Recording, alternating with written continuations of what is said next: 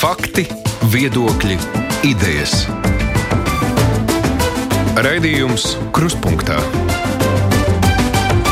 ar izpratni par būtisko. Aizsmeļamies, Tomsons šeit ir studijā. Mēs reiz mēnesī kruspunktā runājam par žurnālistikas izaicinājumiem. Šobrīd daudz mediji ir nonākuši lielākā krīzē nekā kāds to sagaidīja. Protams, krīzes jau šajās dienās faktiski skar visas jomas, bet nu, kāda ir situācija plašsaziņas līdzekļos un kā tie cer pārvarēt šos izaicinājumus? Mūsu šodienas studijā ir mediju anatomija. Mediju anatomija. Ja valsts nesniegs atbalstu, tad mēnešu laikā daudziem medijiem savu darbu nāksies pārtraukt. Tik skarbu perspektīvu ir zīmējusi Latvijas žurnālistu asociācija pagājušā nedēļā, izplatot paziņojumu par dramatisko situāciju, kādā daudz šobrīd ir nonākuši. Mūsu sarunai šobrīd šeit ir pievienojusies žurnālistu asociācijas vadītāja Ārta Ģiga Sveikārta. Nacionālo elektronisko plašsaziņu līdzekļu, līdzekļu padomus priekšsādātājs Ivars Āboliņš. Labdien, Ivar! Labdien! Un arī no kultūras ministrijas mēdīju politikas nodaļas vadītājs Kristers Plešakovs. Labdien, Krister! Labdien! Droši vien ar sākam uzreiz ar tevi, kāpēc tā situācija ir izveidojusies tik dramatiska. Mēs veicām asociācijas ietvaros, veicām tādu aptauju, savu biedru aptauju, kas ir gan darba devēji, gan darba ņēmēji. Kāda šobrīd ir situācija, un visur ir redzams tas, ka reklāmas kritums, kas ir tas nu, mēdīju ekonomiskā modeļa pamats, ir Viņš atrodas tādā brīvajā kritienā, vēl īsti nevar saprast, cik zemu tas nokritīs. Šobrīd kritums ir apmēram pie 30%, kas ir trešdaļa no visiem ienākumiem. Dažiem jau ir 40%, un prognozes uz aprīli māju ir 60 līdz 80%. Un vēl nevar zināt, tas ir par, tīri par reklāmas ieņēmumiem. Daudziem mēdījiem arī tātad, kaut kādā naudas plūsmā ir informatīvās kampaņas, kurā viņi, kurās viņi piedalās kopā ar Eiropas Savienību vai kopā nu, nezinu, ar daudzām citām lietām. Tās arī šīs kampaņas tiek apturētas. Uh, nu, saprotam, iemeslu dēļ, jo tagad tas vairs nav aktuāli, uh, bet uh, līdz ar to tā, tā ieņēmuma puse ir ļoti, ļoti traka šobrīd. Plus vēl Drukātajiem mēdījiem, tiem, kas atrodas laukos, reģionālajiem mēdījiem, papildus problēmas ir tas, ka slēdzās mazās pasta nodaļas, un to avīzi nevar vairs ne nopirkt, ne abonēt, jo nav kur. Un plus vēl tas kritums, reklāmas kritums. Tā, kā, nu, tā situācija ir tāda, ka līdz, līdz rezervu izsīkšanai ir tieši viens mēnesis. Ja mēs tā mēģinātu pa mediju jomām pārskatīt televīziju, radio, internets, presi, kur ir vissliktāk un kur ir vislabāk? Mm. Nu, tur būtu jāiet katram. Katra uzņēmuma specifikā dziļāk iekšā, lai pateiktu, kurš ir labāk. Nu, skaidrs, ka lielākiem uzņēmumiem laikam ir labāk, mazākiem uzņēmumiem, kāda ir, kāda ir reģionālā presa, tiem varētu būt uh, viskritiskākā situācija. Uh, bet visiem ir slikti, jo tas, uh, nu, tas reklāmas tirgus vienkārši ir apstājies. Vienā mm. brīdī viņa nav un nav. Nav no otras puses, žurnālistiem darbi ir vairāk. Jo, nu, ir daudz vairāk, daudz atbildīgāk jāstāsta par to, kas notiek, lai visi būtu informēti. Darba apjoms ir pieaudzis, bet tās cerības uz to, ka par to arī varēs samaksāt, viņas krītās acīm redzot. Jo tu jau vari redzēt, ja paskatās reklāmas pauzes lielākajos komercmedijos, kas tur ir redzams, ja tas pamatā pašu mēdīju pašreklāmas. Tādas mm -hmm. nu, komercreklāmas šobrīd, nu skaidrs, tas ir arī cilvēki piesardzīgāk, viņi arī taupīs, nav jau arī šobrīd nekāda jēga reklamēt trakās dienas stokmanī vai, vai kaut ko tur Elvija vai Rimija, jo to nevar īstenot, un tas ir arī bezatbildīgi, jo cilvēkiem tieši otrādi mazāk jāiet ārā un, un mazāk kaut kas. Um, mazāk jākomunicē. Tā kā tā pārkārtošanās nav notikusi. Un, un tur ir ļoti daudz arī tādu saistīto, to, saistīto trauku, kas no tā cieš, ko arī nu, reklāmas nozara, kas uh, veido kampaņas, kas gatavo reklāmas, tiem arī ir liela krīze. Un, Tā tas ir. Kāda situācija, nu, kāda tā informācija šobrīd ir pieejama Nepalpā? Kādu jūs redzat to ainu pašlaik? Nu, es varu tikai papildināt šobrīd Gigas kundzi un, un to, to ainu īstenībā uzburt uh, un, un vēl, vēl dramatiskāk, jo ir atsevišķi mēdīji, kuriem jau šobrīd ir šie 80% reklāmas ieņēmumu zaudējumi, un tas nav kaut kāds mistisks aprīlis vai maijs, tas jau notiek šodien.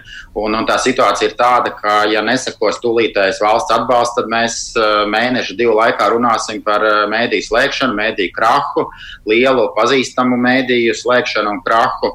Un, un tādēļ šis valsts atbalsts ir nepieciešams nekavējoties. Šobrīd NPLP ir arī iesniedzis šo lūgumu piešķirt vienu miljonu eiro valdībai komercmediju atbalstam. Es eh, ticu tam, ka nākamā nedēļa valdība skatīs un atbalstīs šo NPLP priekšlikumu. Tāpat tieši šobrīd notiek sarunas par to, ka kopā ar Kultūras ministriju un LVRTC mēs varētu atrast risinājumu tam, lai valsts sektu apraides izmaksas eh, komerciālajiem eh, mēdījiem. Eh, vienos bija burtiski jāapkopa informācija, tā, tādēļ es šobrīd mhm. nezinu pašu, pašu, pašu jaunāko informāciju, bet tas notiek tieši šobrīd, un es ceru, ka šodien šo risinājumu izdosies. Nu, mēs par risinājumiem jau runāsim, bet tā skatoties, mēs no tādas diagnostikas viedokļa lūkojoties, varētu teikt, ka kaut cik vieglāk tikai šobrīd ir sabiedriskajiem medijiem, kuriem jau ir valsts finansējums, vai tā? Sabiedriskajiem mēdījiem šobrīd, tieši šobrīd, šodien, protams, ir kaut cik vieglāk, jo ir šis valsts finansējums, bet, ja mēs skatāmies gada griezumā, tad, protams, šī situācija arī ar vienu, vienā brīdī kļūst nopietna, jo ir aplēses, ko, ko Nebelpē šobrīd ir veicis, ka Latvijas televīzijai šie negūtie ieņēmumi un zaudējumi gadu laikā varētu būt aptuveni 1 miljons eiro. Savukārt Latvijas rādio tie ir aptuveni 400 tūkstoši eiro, tātad 1,4 miljonu eiro.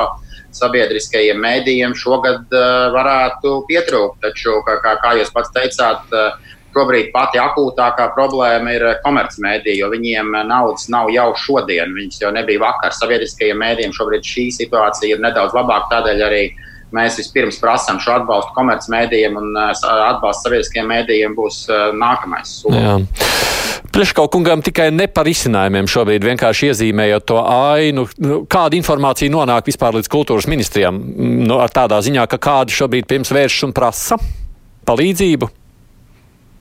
Jā, tas ir, tas ir viens informācijas avots, un, bet mēs rīkojāmies arī aktīvi un uh, sasaucām jaunizveidoto mediju konsultīvo padomu, mediju politikas.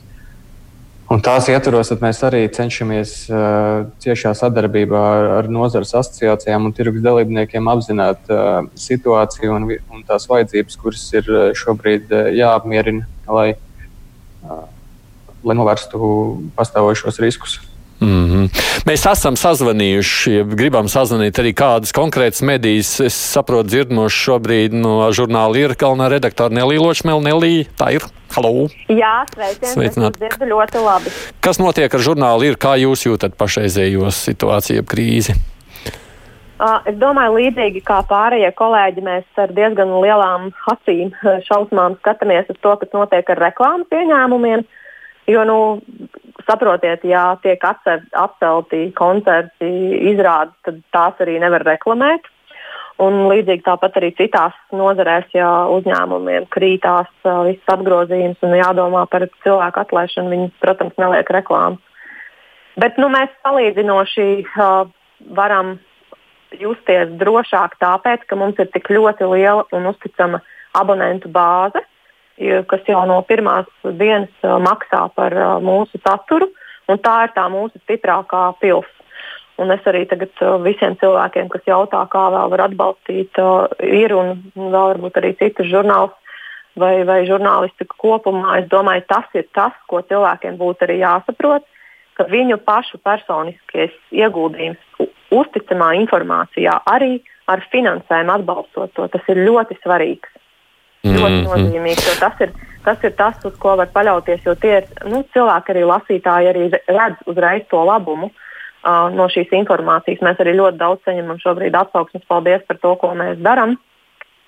Un tad, tad tas ir tas veids, kā cilvēki vēl var mūs atbalstīt. Ir tiešām caur šo abonēšanu. Mm. Ja tā drīkst, nezinu, cik tas ir kameras noslēpums, cik liela nozīme ir jūsu ienākumos reklāmai un cik liela nozīme ir tieši abonentiem? Uh, nu, es teiktu, tā proporcija ir apmēram reklāma kaut kādi 30% abonēšanai pārējai. Tā ka mēs tiešām esam salīdzinoši labākā situācijā nekā mēdī, kuri ir pilnīgi atkarīgi no reklāmas ieņēmumiem un tās citas plūsmas nav. Bet nu, jāsaprot arī piemēram, tāda lieta kā mazumtirdzniecība kioskos vai veikalos. Nu, ja cilvēki paliek mājās, ja viņi neiet, ja veikalos tiek ierobežot šī kustība, protams, tur arī mēs redzam uzreiz to kritumu. Un, var tikai aicināt vēlreiz pieslēgties uz to, uh, pārslēgties mm -hmm. uz to abonēšanu, kas ir pieejams veids. Nenoliec klausuli šobrīd vēl. Mēs jā, ar tevi vēl turpināsim. Vēl dažas idejas, ko, ko es gaidītu vēl no valsts. Jā, jā par to tūlītās arī turpināsim. Vienkārši pie otras klausulas mūs dzird šobrīd reģionālā laikraksta Ziemeļa Latvija. Tātad mēs dodamies uz Valks pusi galvenā redaktora Ingūna Johansona. Ingūna, labdien! Labdien! Kāda jums savukārt ir situācija, kāda aina veidojās pašlaik runājot par ienākumiem? Uh, nu, runājot par ienākumiem, šobrīd uh, varbūt nu, nav redzama uh, kaut kāda tāda dramatiska aina, kā varbūt tas uh, jau rādās televīzijai un, un rādio, kur uh, tiešām dzīvo no reklāmām. Mums tā tad ir abonēšanas ienākumi, un, un līdz ar to mums ir tas stabilais ienākuma avots, kur, kura nauda, protams, nav varbūt tik liela, lai, lai, lai mēs varētu izdzīvot, bet nu, tas nav koronavīrusa ietekmē. Es gribētu teikt tā, ka nu, reģionālie laikraksti novāja novājināti ir jau daudzus gadus, un tas ir tieši valsts nespējas uh, jautājums, nespēja sakārtot lietas un mēdīt tirgu un viss tas, kurš, kas līdz šim tā tika, tika atlikts kaut kur aiz kaut kādām durtiņām vai plauktiņām nolikta tā lieta, un šis vīrus un, un tas, um, kā, kā tas ietekmē mēdīju vidi un cik ļoti svarīgs ir mēdījis šo šobrīd šādā ārkārtas situācijā to viss ir pacēlis augšā. Bet es gribētu teikt, tā, ka nu, reģionālos mēdījus ļoti ilgu laiku neviens nesadzirdēja un arī neuzskatīja tādu par ļoti būtisku lietu valsts drošībai, iedzīvotāju informētībai, visam, kāpēc vispār ir neatkarīgs mēdījis valstī nepieciešams. Viņš ir ļoti nepieciešams. Nu, tas ir jā, mēs jau gan nevarētu teikt, ka mēs par to nebūtu šeit runājuši. Jautājums jā, ir, protams, vai jums šķiet, ka pašreizējā krīze ļaus jūs vairāk sadzirdēt? Es ļoti ceru, ka jā, kad beidzot, eh, jo tiešām jā, runāts tika dažādos līmeņos. Eh, visi it kā jā, saprot, un tajā pašā laikā visas lietas notiek mm, pašplūsmā. Pašvaldības izdod joprojām avīzes, reklāmas kampaņas lielās līdz reģioniem vispār neaiziet. Starpnieki tātad aģentūras dod nu, citiem šīs reklāmas, UTT nodokļu jautājums, ja, ko mēs esam arī runājuši simtu vienu reizi. Viss, kas ir ar pastu un visu laiku tas biedrs, kad pasts nepiegādās vai atkal palielina cenas, viss tas tiešām ir runāts. Un es ceru, ka tieši tagad, kad šis te, tā ir tā varbūt pozitīvā, šī briesmīgā vīrusa pozitīvā blakne, kad beidzot varbūt arī kāds attaisīs acis un, un sapratīs, ka lieta ir nopietna un kas notiks tajā brīdī, kad patiešām aizslēgs visus um, reģionālos mēdījus un, un varbūt arī lielos mēdījus, un kas tad notiks valstī. Ja? Mm -hmm. Tā kā Nu, Labi. Ceru, jā, jā, es uh, saku tik tālu paldies Silze jā. jums, jo es vēl, o, Ingūna piedodiet, es jums jau tāpēc, ka es vēl gribu pajautāt savukārt Nelijai, uh, kas tad ir tas, ko tev šķiet vajadzētu valstī darīt? Jā, uh, attiecībā uz uz uh, izdevumiem, kuriem ir uh, PVN. Es domāju, ka beidzot ir pilnīgi sakarsēta situācija. Būtu jāatgriežas pie šīs nulles likmes vai vismaz tās reālās pazeminātās likmes.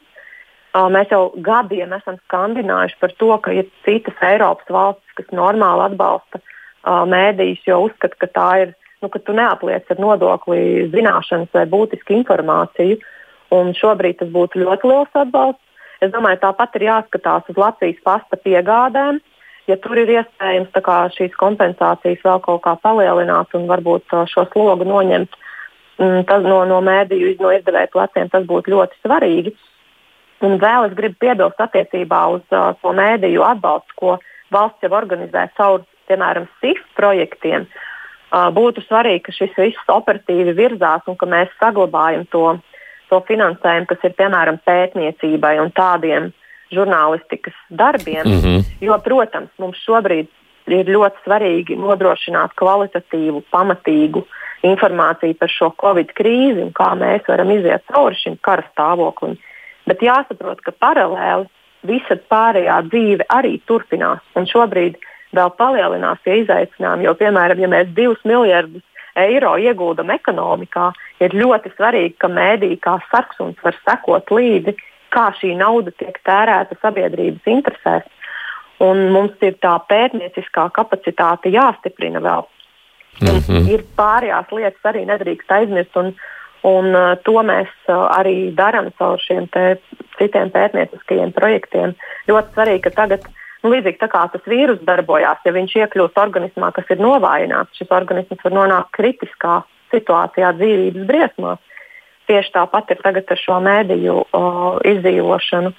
Mums ir jānodrošina šī ziņu plūsma, jānodrošina uzticama, drošama informācija par Covid krīzi, bet mums ir jāsaglabā spēja uzraudzīt un kvalitatīvi novērot pārējās uh, svarīgās lietas sabiedrībā. Citādi mēs iekūsimies vēl briesmīgākās problēmās.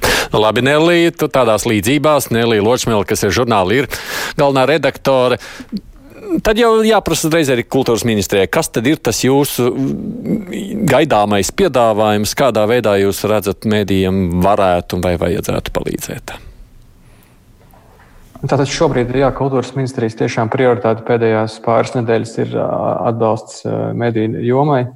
Tie virzieni, kuros mēs skatāmies, ir, ka mēs varētu mēdījiem palielināt pieejamo finansējumu caur mediju atbalsta fondu, kas būtu paredzēts gan satura veidošanai, kas varētu būt kā kapacitātes atbalsts preses piegādes kompensēšana lielākos apmēros nekā tas notiek šobrīd. Elektronisko plašsaziņas līdzekļu apraides, izmaksu sekšana un, un tam līdzīgi.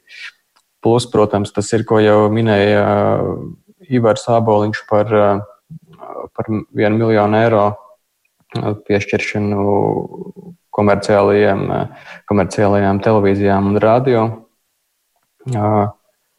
Tāpat mēs skatāmies arī uz priekšu, un redzētu, ka arī pēc krīzes, lai palīdzētu atvesaļoties eh, mediju videi, eh, mēs redzētu, ka eh, jā, viens no variantiem būtu PVN samazināšana preses izdevumiem, kā arī dažādu reklāmas ierobežojumu pārskatīšana, tādējādi palielinot Latvijas, Latvijā pieejamo reklāmas tirgus apjomu. Nu, tas tā kā savukārt tās pēdējās divas lietas, ko minējāt, tas tā kā lielākā ilgtermiņā skatoties, tā es sapratu, ja no jums.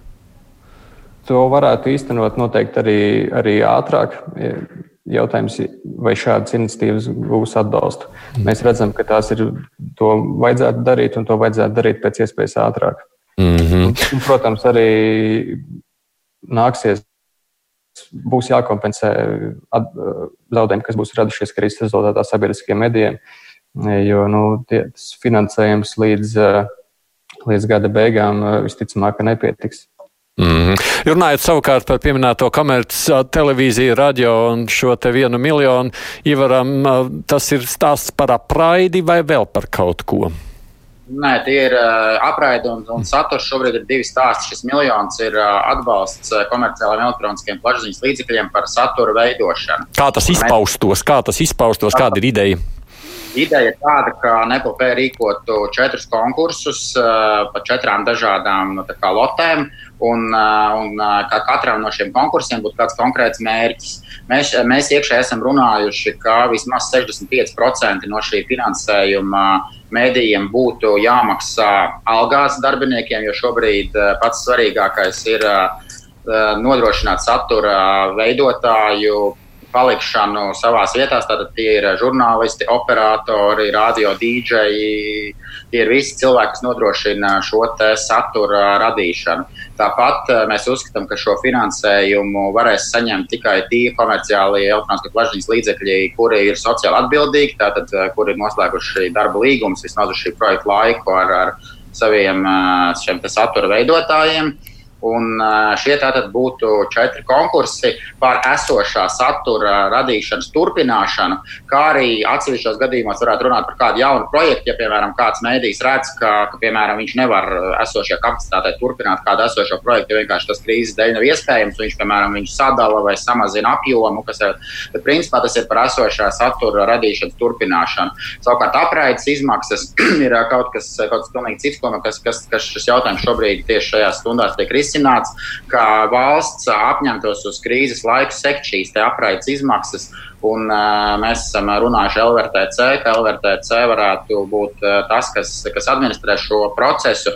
Taču uh, lieta ir tāda, ka da, daļā, daļā šo komerciālo radiostaciju ir LVRTC klienti, daļa neizmanto LVRTC pakalpojumus, viņi apraidē izmanto privātos torņus. Tātad ir, šo, šobrīd ir, mēs mēģinām saprast, kā šo visu salikt kopā lai, lai tas būtu efektīvi un atbalstu saņemtu tiešām visi šie komerciālie mēdī. Ja tikai precizējumam, par kādām summām ir runa, ja runājam par apraidi? Nu, šobrīd, šobrīd tas tiek apkopots. Es varēšu šo jautājumu atbildēt pēc pāris stundām. Okay. Arta, tu dzirdēji šos nu, dažādos izskanējušos piedāvājumus. Ko saki? Mm.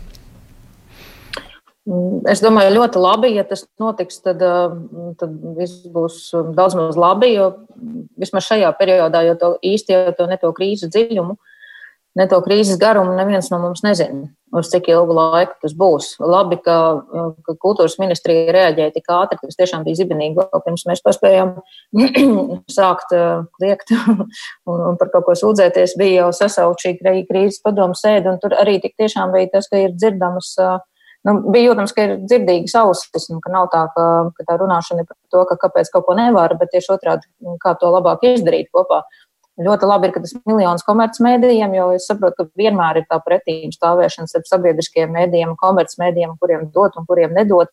Bet šobrīd tajā, nu, tieši šajā situācijā ir super svarīgi, lai informācija sasniegtu visus cilvēkus. Un, un lai cik tas nebūtu bēdīgi, nav tā, ka visi skatās sabiedriskos mēdījus, un arī šis mirklis nebūs tas, kurā to var piespiest izdarīt. Ir jāmeklē un jāsasniedz, inform jāsniedz informācija tur, kur, mm, kur cilvēki to skatās. Tāpēc tas ir būtiski saglabāt esošos mēdījus, palīdzēt viņiem izkūties. Un, un no otras puses ir tā arī, ka mm, komercmediji ir ar visu to, ka viņi izvieto reklāmu, viņi jau lielā mērā ir tāds kā ekonomikas arī dzinulis, tāpēc, ka citādi jau neviens neuzzina par šiem produktiem, ko grib pārdot uzņēmēji, kur veido šo mūsu valsts budžeta pamatu, ja, vai par šiem pakalpojumiem. Tas ir vajadzīgs. Mēs visi esam viens otram vajadzīgi. To nav, uz to nevajag skatīties tik vienkārši un šauri, ka tur kāds žurnālists nepatīk vai nepareizi izstāstīja, tāpēc viņš man vairs nav vajadzīgs un, un, un vai mirs nostoja. Būs kāds cits un tas patiks un, un vajag, lai tā informācija aprit un ir arī informācijas dažādība. Tāpēc mēs arī skatāmies, piedod, es pateikšu, jā, jā, lietu, pasak, mēs pasak. tiešām skatāmies, skatāmies pozitīvi uz iespēju liberalizēt uh, reklāmas tirgu šobrīd, atceļot tos ierobežojumus, ko specifiski Latvija ir pieņēmusi, uh, atstājot tos, kas darbojās Eiropas Savienības ietvaros. Mm. O, jo tas, tas būtu kaut kas tāds, kas neprasa naudu arī no valsts budžeta, bet kas atdzīvinātu kopējo tirgu. Un šobrīd tā situācija ir tāda, ka tas tiešām ir vajadzīgs. Plus vēl jāņem vērā arī tas, ka daudzi no šiem ierobežojumiem tika pieņemti laikā, kad tas arī tiešām darbojās. Tajā brīdī, jo, jo aizliedzot um, kaut ko reklamēt tieši televīzijā, tas sasniedz mērķi. Tā reklāma nenonāca pie patērētājiem. Šobrīd vide, visa informatīvās apmaiņas vide ir mainījusies.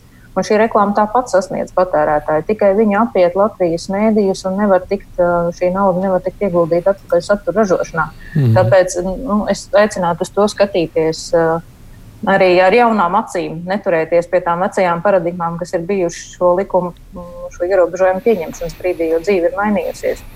Ja, ja nu, lai precizētu un lai klausītāji saprastu, varbūt ir vērts atbildēt tagad uz Anda vēstuli, saka tā, bet manuprāt, Latvija jau sen ir pelnījuši šādas lieliskas izmaiņas, runa par kādu mediju slēgšanos. Pie mums patērētājs sabiedrībai domātā dzeltenīgā prese bieži vien attīst, un arī komerctelevīzija attīst sabiedrību, kas nevis, nevis attīst sabiedrību, bet degradē lasītājus, zenoties tikai pēc kādas autora, autora, autora ne, pēc auditorijas, piedodiet, es lasīt vairs nemāku šodien, ar ideju sakot, mums ir pietiekoši daudz sēnalu, vai tad tiem vēl vajag kādu palīdzību? Es vēlētos uz šo, šo jautājumu atbildēt. Arī tas, ko mēs esam domājuši, tieši es runāju par radio un televīziju, nevis par drukāto presi, jo man atbildība ir elektroniskie plašsaziņas līdzekļi un padoms.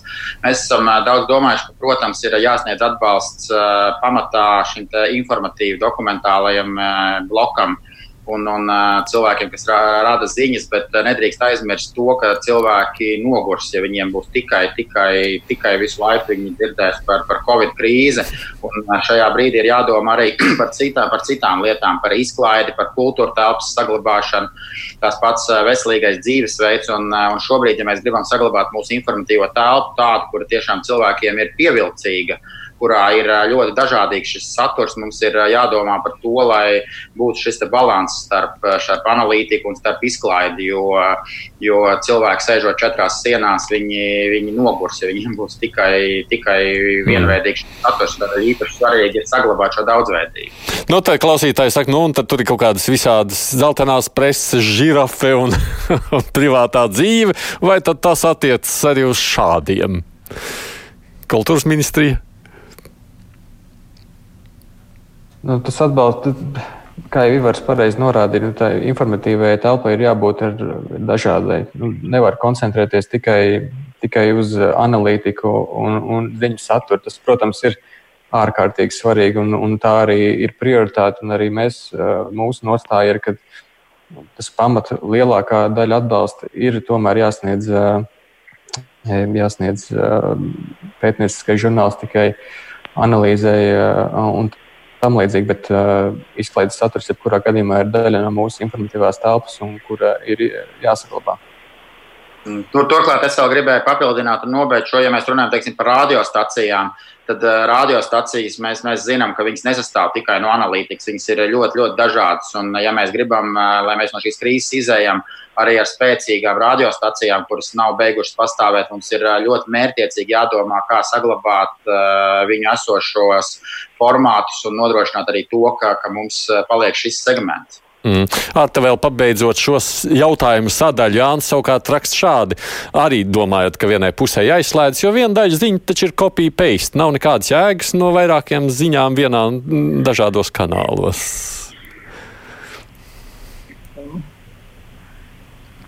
Nu, ja Jānis tā domā, viņam ir tiesības tā domāt. Es priecājos, ka mēs dzīvojam tādā valstī, kur katrs var domāt to, ko grib, un tad, kad viņš cenšas šo savu domu nodot, par to, ka viņam mēdīja nav vajadzīga. Nu, viņš tāpat zvana, raksta vai, vai kaut kā sazinās ar mēdīju, lai to nodot. Nevis zvana savam kaimiņam pie sienas un pastāsta, ar to jau viņam nepietiek.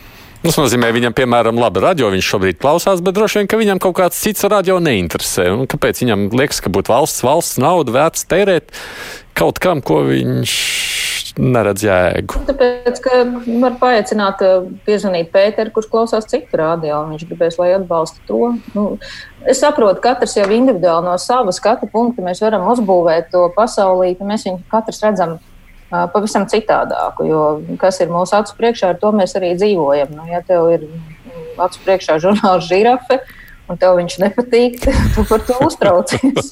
Bet tur tomēr acu priekšā nonāk. Arī labi. es atgādināšu, ka mums šeit attālināti ir sarunāja piedalās Arta Ģiga, kas ir žurnālistu asociācijas vadītāja, Nacionālo elektronisko plašsaziņas līdzekļu padomas priekšsēdētājs Ivars Āboliņš un no kultūras ministrijas mediju politikas nodaļas vadītājs Kristers Plešakovs. Raidījums Krustpunktā. Mēs gribam arī kādus pāris politiķus sazvanīt. Sāksim vispirms ar opozīciju, bet ar opozīciju tādā ziņā, kad ir arī neapšaubām pieredze bijusi pozīcijā. Tā ir uh, Saimas budžeta un finanšu komisijas deputāta Dana Reizniec Ozola. Labdien, jūs mūs dzirdat, vai ne? Labdien, jā. Ko sakāt par šīm sarunām un nepieciešamību atbalstīt mēdījus? No opozīcijas viedokļa jau droši vien skan labi, vai ne tā? Nu, ne, es domāju, ka ne tikai no opozīcijas viedokļa. Nu, tas, kas ir vislabākā barība krīzes situācijā, haosam ir nezināšana vai informācijas trūkums. Un es domāju, ka šis ir tas brīdis, kad uh, katrs iedzīvotājs tieši otrādi ļoti novērtē to, ka mums ir mediji un ka dažkārt pat saimnes deputāti uzzina par to, ka viņiem būs rītdien kāda sēde no medijiem. Lēnāk tā informācija atnāk no ministra kabineta vai no pašas saimnes mājas. Tas mazliet tā ironiski, protams, bet jā, līdzekļu papildus šobrīd ir jāpiešķir medijiem, visa formāta medijiem, jo es arī piekrītu tēzei, ka ir svarīgi ne tikai informēt iedzīvotājus, bet nu pat jau ir kļuvusi otra um, mediju loma tikpat nozīmīga, tā ir izklaides lo, loma. Jo nu, nevelti jau arī mediķi, kam ir tāda lielāka pieredze, min, ka tāda stingra izolācija šobrīd var novest pie citām uh, problēmām, pie psiholoģiska rakstura problēmām, ka cilvēks ir četrās sienās uh, bez uh, saziņas iespējām. Tad, uh, nu, var šādas problēmas rasties un izklaidējošs saturs, ko uh, var nodrošināt mediji. Es domāju, nu, šobrīd ir jābūt daudz vairāk, daudz kvalitatīvāk un pieejamāk, pieejamākam. Mm.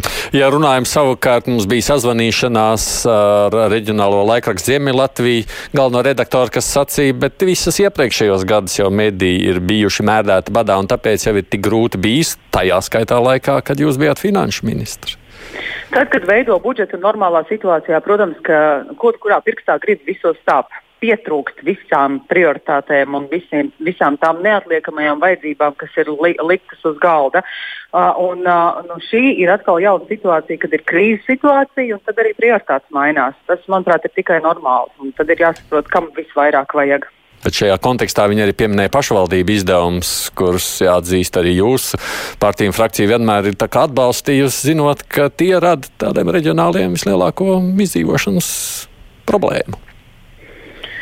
Uh, nu, es domāju, ši, šajā situācijā uh, ir jāspēj distancēties no ilgtermiņa jautājumiem un ir jāpieņem risinājums tāds, tāds kas palīdz šobrīd. Nevis uh, jā, jā, jāskatās vēsturē, kā būtu bijis, ja būtu, ja būtu bijis. Bet varbūt ir iespēja tagad. Arī beidzot iespējas sakārtot arī, arī sistemātiskāk. Joprojām, jā, nu, protams, bet es arī joprojām neesmu uh, no starp tiem politiķiem, kas uh, gribētu apkarot pašvaldību izdevumus, jo nereti tā tiešām ir arī efektīvākā forma, kā uh, savus iedzīvotājus informēt. Cits gadījums ir, ja pašvaldības vadība to izmanto, uh, nu, kā lai saka, citiem mērķiem, sevis slavināšanai, nevis informēšanai. Tie ir divi dažādi stāsti. Es domāju, ka jā, jāuztrauc par sevis slavināšanu, nevis par iedzīvotāju informēšanu, izmantojot arī pašvaldību uh, izdevumus. Nu, daudzkārt arī ir gadījumi, kad uh, tieši vietējā pašvaldība ir arī pasūtītājs vietējiem medijiem, un, uh, un vietējais medijs var izdzīvot tādēļ, ir šāds re regulārs klients, kurš grib informēt iedzīvotājus, izmantojot to. Tā kā ir arī šāda veida. Jā, nu tam gan arī nāk līdzi citas blaknes. Droši vien, ka šī, es piekritīšu jums tik daudz, ka šī laikam nebūs tā saruna, kurā vietā to izvērst, bet tajā brīdī, kad šāda paketa atnāks līdz saimai, ja tāda atnāks, ja būs deputātiem jālēm, jūs sakāt, jūs noteikti atbalstāt atbalstīsit visus šos atbalsta pasākumus? Atbalsta pasākums noteikti, noteikti uh, ar abām rokām domāju, mēs atbalstīsim, un, un līdzekļus tam arī pilnīgi noteikti šobrīd var atrast. Uh, es, uh, godīgi sakot, arī jau vairāk kārt esmu uzsvērus, ka valdība, manuprāt, maz dara uh, pārskatot šobrīd savus izdevumus. Ir uh, jā, daļēji izdevumu pārskatīts, piemēram, komandējuma izmaksas samazinot, jo vienkārši nevar aizbraukt fiziski. Ja? Bet eh, šis ir arī lielisks brīdis, kad tiešām pēc būtības pārskatīt um, visu valdības resoru izdevumus, atsakoties no visu liekā, veidojot arī gan tādu nu, nu, budžeta rezervi uh, papildu pasākumiem, nu, kāda būs nepieciešama, gan arī novirzot tām lietām, kas ir šobrīd uh, nu, stipri aktuālākas nekā miera laikos, ja tā var teikt, tā skaitā mediju atbalstam. Dāna Reizniece Ozola, paldies Saimas budžeta un finanšu komisijas deputāte. Mums Anna raksta šādi. Mūsu Ziemeļlatgales avīze Vaduguns gan nav ne kopija peist, ne dzeltenā prese. Ļoti gribētu, lai avīze atbalsta, lai tā var iznākt vēl gadiem ilgi. Un tā klausītāji komentējot arī no lasītāja viedokļa skatoties, uh, nu, atbalsts jau būs visticamāk karta vai ne, jo šķiet, ka nu, no opozīcijas pilnīgi noteikti, man liekas, jau arī ka pozīcija gatavojas darboties. Nu, es ļoti ceru, es ceru, ka cilvēki saprot un valdība saprot, ka tas tiešām šobrīd ir svarīgi, ka tās nav mūsu iegribas, bet tas ir nu, izdzīvošanas jautājums. Mēs jau pagājušajā gadā piedzīvojām to, ka viena liela ziņu dienas taistaisījuma, tas informatīvo telpu tādā nu, ikdienas, es domāju, tādā ikdienas nacionālo ziņu pienesumā samazināja par nu, ceturto daļu apmēram. Nu, būtu ļoti būtiski nepieļaut, ka tā, kaut kas tāds notiek vēl. Savukārt tiem klausītājiem, kuri saka, ka mums jāmainās, es pilnīgi piekrītu. Un, un arī, arī mediji jau nav nekādi iesīkstējuši dinozauri, kas turās tikai pie saviem formātiem, vēl bez izklaidējošā, kas tiešām šobrīd ir ļoti svarīgs. Jo ļoti daudz cilvēku atrodas pašizolācijā, kopā ar ģimenēm tādā formātā, kādā viņi nemaz nav līdz šim pieredzējuši un saprot, cik tas ir sarežģīti. Bet ļoti daudz izglītojošā satura ir jārada, jo šī mācīšanās, attālinātā mācīšanās, kam nu, būtībā mēs neesam gatavi tikai daļēji, varbūt kaut kādās daļās ir, ir tur ir jādodas arī medijiem palīgā un jāpalīdz ar to, lai, lai, lai var apgūt Jā. mācību vielu, jo ir jāsaprot, ka šie, šīs izmaiņas, kas šobrīd ar mums notiek, ka tās, lai arī ārkārtas situācija pagarina uz trim mēnešiem vai diviem mēnešiem vai cik tur tiem mēnešiem, ka šīs ir paliekošas izmaiņas uz ļoti ilgu laiku, vismaz uz pusotru mm. gadu. Ar to ir jārēķinās. Nu, reiz pieminēja Ārta šos uh, izglītošanas pasākums, ja nepieciešamība palīdzēt skolām. Ir parā, nu, reiz esam mazliet pieminam to faktu. Ir paredzēti laikam divi kanāli, ja, kur varētu darboties kā palīgs skolēniem, skolotājiem. Vai Āboliņa kungs var mazliet paskaidrot, kas to finansē un kāda tur ir tā, um, no tā finansiālā bāze apakšā? Jā, tā tad ir, ir atrasts risinājums sadarbībā izglītības zinātnes ministriju. Ļoti liels paldies izglītības zinātnes ministrijai par iniciatīvu, ko, ko tā uzņēmās konkrēti notiņa kungam, parlamentāram sekretāram. Ir atrasts risinājums piešķirt vakar vairāk kā 300 tūkstošus eiro. Sporta centrs kom un RTV tā tad nodrošinās šo mācību saturu skolēniem jau no nākamās nedēļas. Tas, tas sāksies. Vienā programmā tās būs eh, mazo, mazo klašu izglītības saturs, otrā programmā tas būs eh, lielāko klašu izglītības saturs. Šī nauda, protams, tiks eh, sniegta arī mēdījiem, bet viņa nepaliks visa pašiem mēdījiem, jo viņa arī tiks novirzīta tālāk, lai organizētu visu šo procesu. Bet tas arī ir liels atspējs arī šiem mēdījiem tādā ziņā, ka ka viņiem būs ko, ko rādīt savā saturā, jo sporta centrs kom ir viens no vislielākajiem cietējiem šajā krīzes eh, situācijā, jo viņiem vienkārši viss ir apstājies, jo sporta notikumi neat, neat, nenotiek. Un, eh, un šis arī ir eh, mētiecīgs valsts atbalsts tātad nevis tikai izglītības sistēmai, bet arī arī konkrētiem bezmaksas apraidē raidošiem mēdījiem, un, un tas, tas, tas ir ļoti, ļoti liels, liels solis priekšu. Un, protams, vislielākie ieguvēji būs skolēni un viņu vecāki kuri, kuri, kuri, kuri varēs šo izglītības saturu redzēt, eh, redzēt tagad televīzijā. Nu, runājot vienīgais par sportu kā tādu, droši vien šī tā viena no jomām, kur mēs redzam, ka mēdījiem jāspēj ātri reaģēt un arī pielāgoties situācijai. Mums jau šādi tad kādi klausītāji saka, nu ko tie sporta ziņu žurnālisti tur mocās katru dienu stāstot, ka nekas nenotiek. to domu sakot, nu redz, mēdījiem arī jā, var būt elastīgākiem, vai ne? Ārt? Nu, es piekrītu, jā, bet šobrīd ir jāsaprot arī tas, ka žurnālisti šobrīd ir ļoti lielā stresā. Ir, pirmkārt, šī situācija mums visiem ir jauna, inform, nu, vienkārši informatīvā ziņā. Mēs varbūt esam skatījušies filmus par epidēmijām un, un kataklizmām, bet piedzīvot to īsti realitātei. Gan mēs, gan arī sabiedrība, gan valdība, mēs visi mācāmies šobrīd uz šīs situācijas un, un jāsaka, veiksmīgi un sekmīgi. Papildus stress ir tas, ka, ka viss mūsu darbs šobrīd, nu, es runāju par ziņām un informatīvajiem raidījumiem, ir ierobežots tādā veidā, ka tu ne ar vienu nevari satikties, tu neko nevari uzzināt. Tu esi tādā informatīvā vakumā nonācis. Tas būs jautājums, pie kā mēs droši vien nonāksim pēc kāda mirkļa. Un, un runāsim par to, par to, kā padarīt pieejamāku informāciju. Jo šobrīd mēs varam uzzināt kaut ko tikai no Zoom telekonferencēm.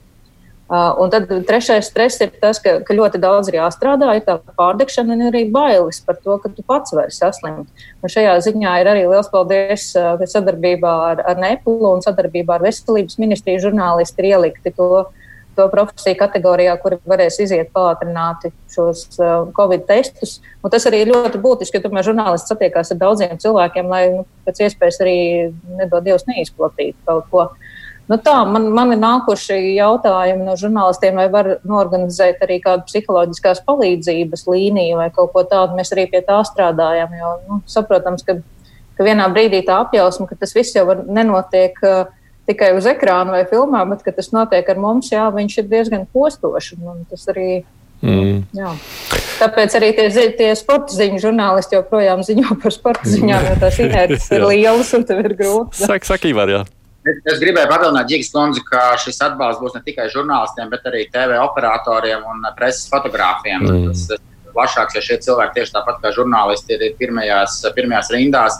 Un tiešām jāsaka liels paldies Kultūras ministrijai un Veselības ministrijai, kuras atsaucās, uh, un arī žurnālistu asociācijai mums visiem kopā izdevās šo, šo lēmumu padarīt par, par realitāti. Es domāju, ka tas būs ļoti liels atspējas. Nu, kas attiecas uz psiholoģisku atbalstu, savukārt tā ir tikai tāda man piebilde kā radio darbiniekam. Es zinu, ka Latvijas radio valde arī par to ir domājusi. Viņi ir nodrošinājuši šobrīd vajadzības gadījumā radio darbiniekiem šādu pieeju.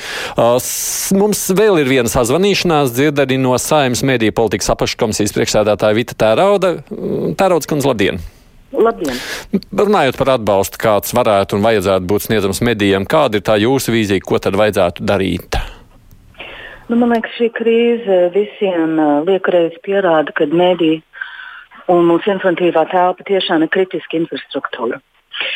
Mums ir nepieciešamība nodrošināt, ka darbojās uh, informācijas aprite, ka cilvēki ir zinoši, informēti un īpaši sociālās izolācijas apstākļos, kad viņiem ir sajūta par to un zināšanas par to, kas notiek apkārt. Uh, tas nozīmē, ka ir nepieciešams atbalstīt uh, gan komerciālos mēdījus, gan sabiedrisko mēdīju, un īpaši informatīvās un analītiskās darbības.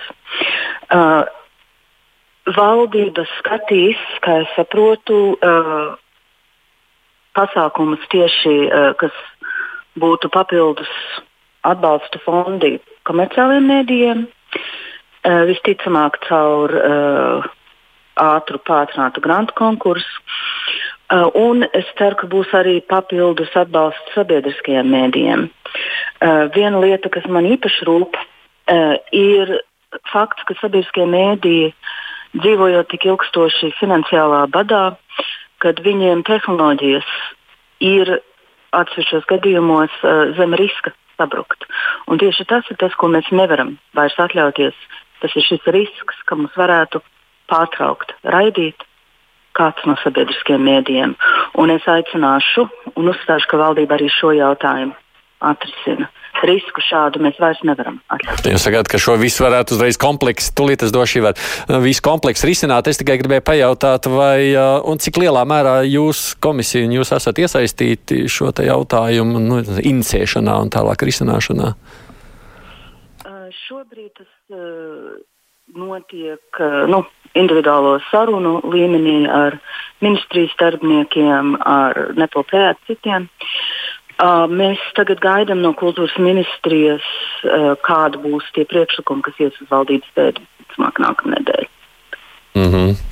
uh, labi, paldies Vita Tērauda no Saimas mediju apakškomisijas Jāivar. Jā, papildinot tēraudas kundzi, viena no idejām, ko mēs esam runājuši arī kultūras ministriju, bet uh, tas, tas neies kopā, kā, kā es šobrīd saprotu, ar šo informatīvo ziņojumu. Tas varētu būt atsevišķs NPLP lūgums piešķirt televīzijai nepieciešamo naudu šim programmu izlaides kompleksam, pikam, par ko tiek runāts jau, jau vairākus gadus, jo tas tiešām var notikt tā, ka vienā brīdī šis pro, programmas izlaides komplekss, kurš ir 11 gadus vecs, vienkārši atsacīsies darboties, un tad mēs varam palikt šajā krīzes apstākļos bez sabiedriskā mēdīja. Un es domāju, ka tas ir viens no jautājumiem, kur būs jāatrod risinājums, bet, manuprāt, tas ir nedaudz nošķirams no šī krīzes atbalsta mēdījiem, kas ir kopā ar šo informatīvo ziņojumu. Tas ir atsevišķs lūgums, kuru, kuru es, es lūgtu valdību arī, arī atbalstīt. Tajā pašā laikā klausoties jūsos, man ir tāda sajūta, redz, te parādās tā uh, teiciena kaut kāda saturiskais piepildījums, ka krīze ir iespēja laiks, varbūt tā ir iespēja laiks sakārtot lietas, kuras mums bija grūti sakārtot daudz gadu gadu garumā. Nu, apmēram tā. Nu, tā ir. Jā.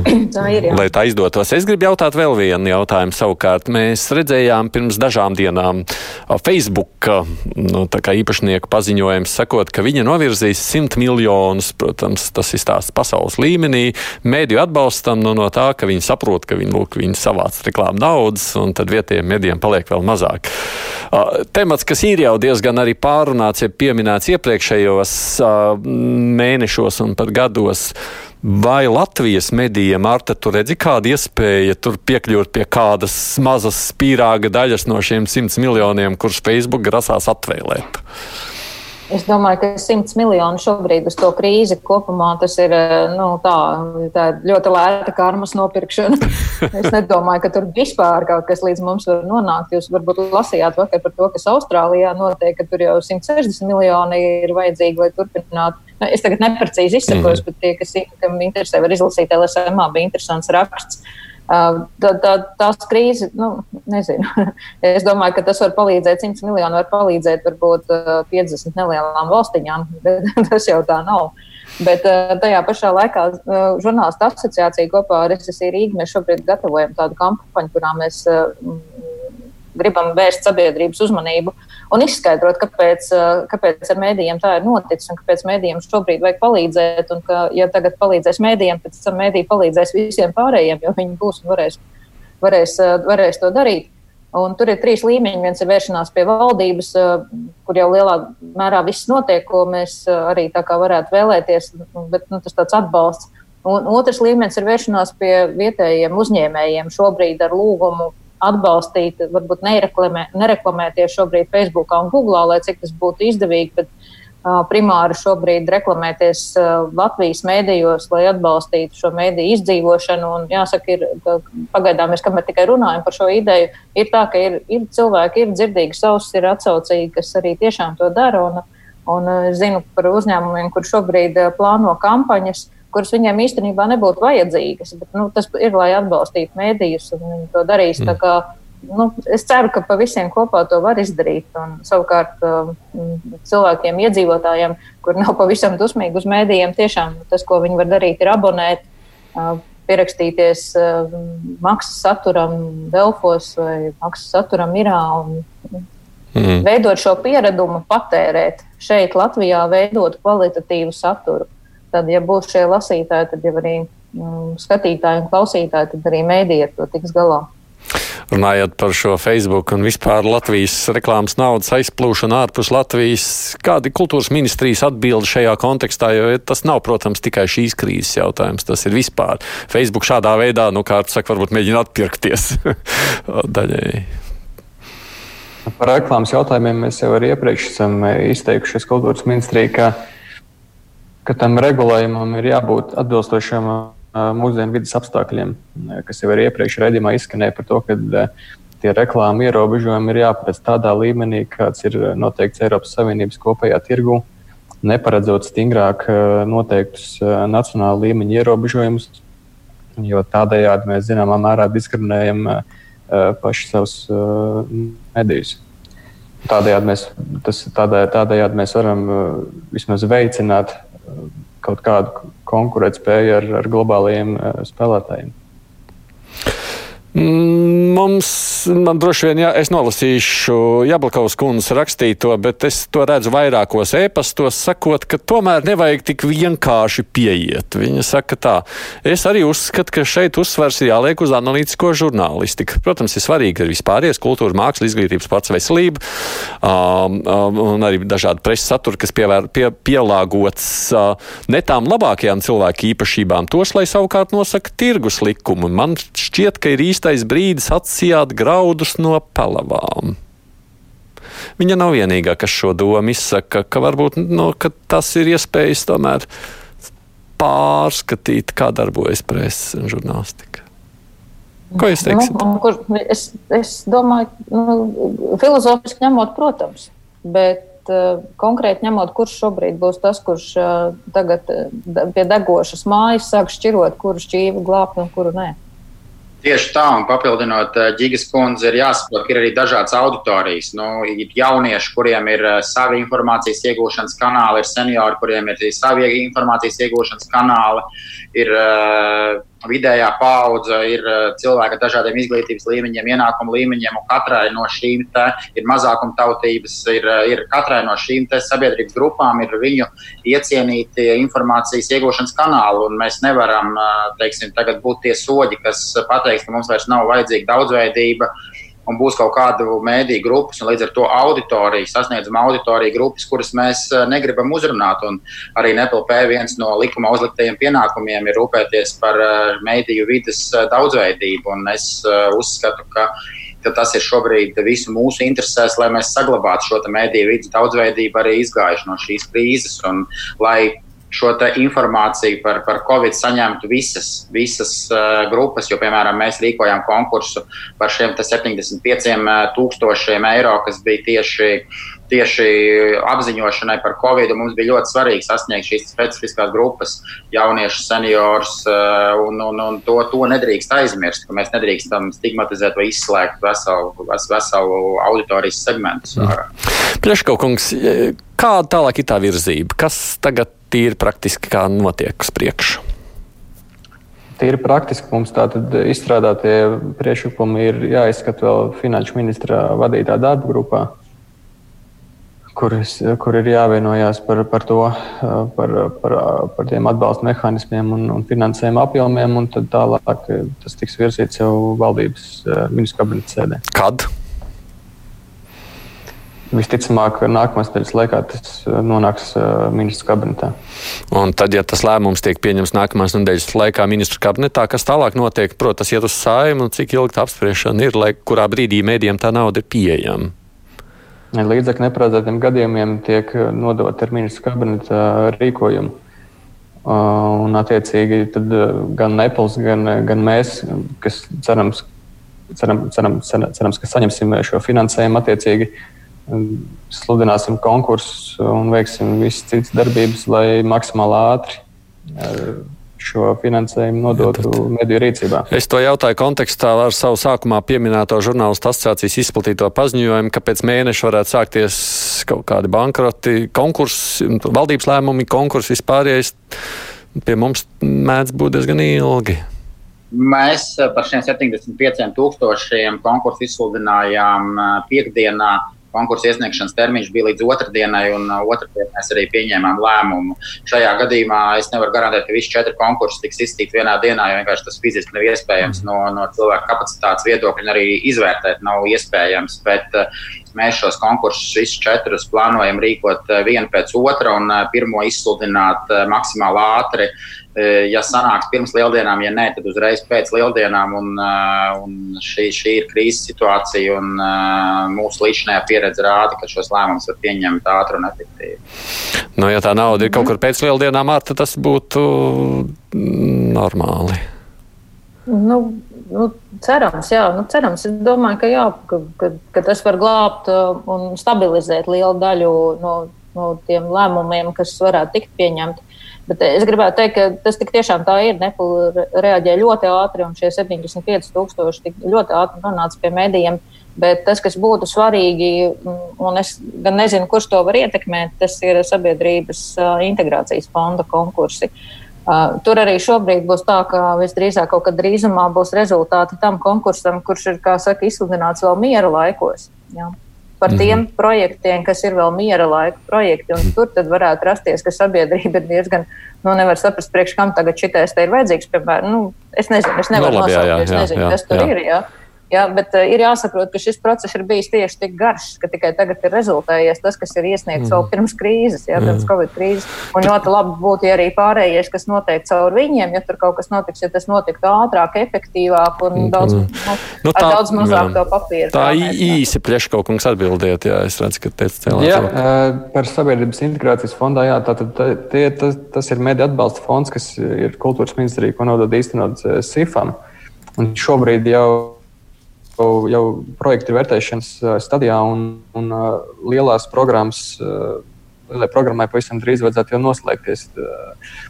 Un, bet šeit jāpaturprātā, ka nākamie atbalsta mehānismi, kas cerams sekos, nu, tie, tie nebūs tik, nebūs tik laikietilpīgi, jo tur nebūs uzsvars uz, uz, uz tādu novitāšu radīšanu un nebūs, mm. nevajadzētu tam būt tik uh, skrupulozai šo projektu vērtēšanai, kā tas notiek šobrīd. Nu, es saprotu, ka šajās laikos, ja visi cenšas ātri darīt, nu, tas ir labi. Tā ir tā ziņa, ka mēs, ja gribam, varam arī daudz ko lietus, daudz lietas darīt ātri. Es jums saku paldies. Mums raidlaiks ir beidzies. Sārta Ģiga, kas ir žurnālistu asociācijas vadītāja, Kristers Pļeškovs ir no kultūras ministrijas mēdīju politikas nodaļas vadītājs un Ivars Āboliņš vada Nacionālo elektronisko plašsaziņas līdzekļu padomi. Paldies jums par mūsu attālināto piedalīšanos sarunās.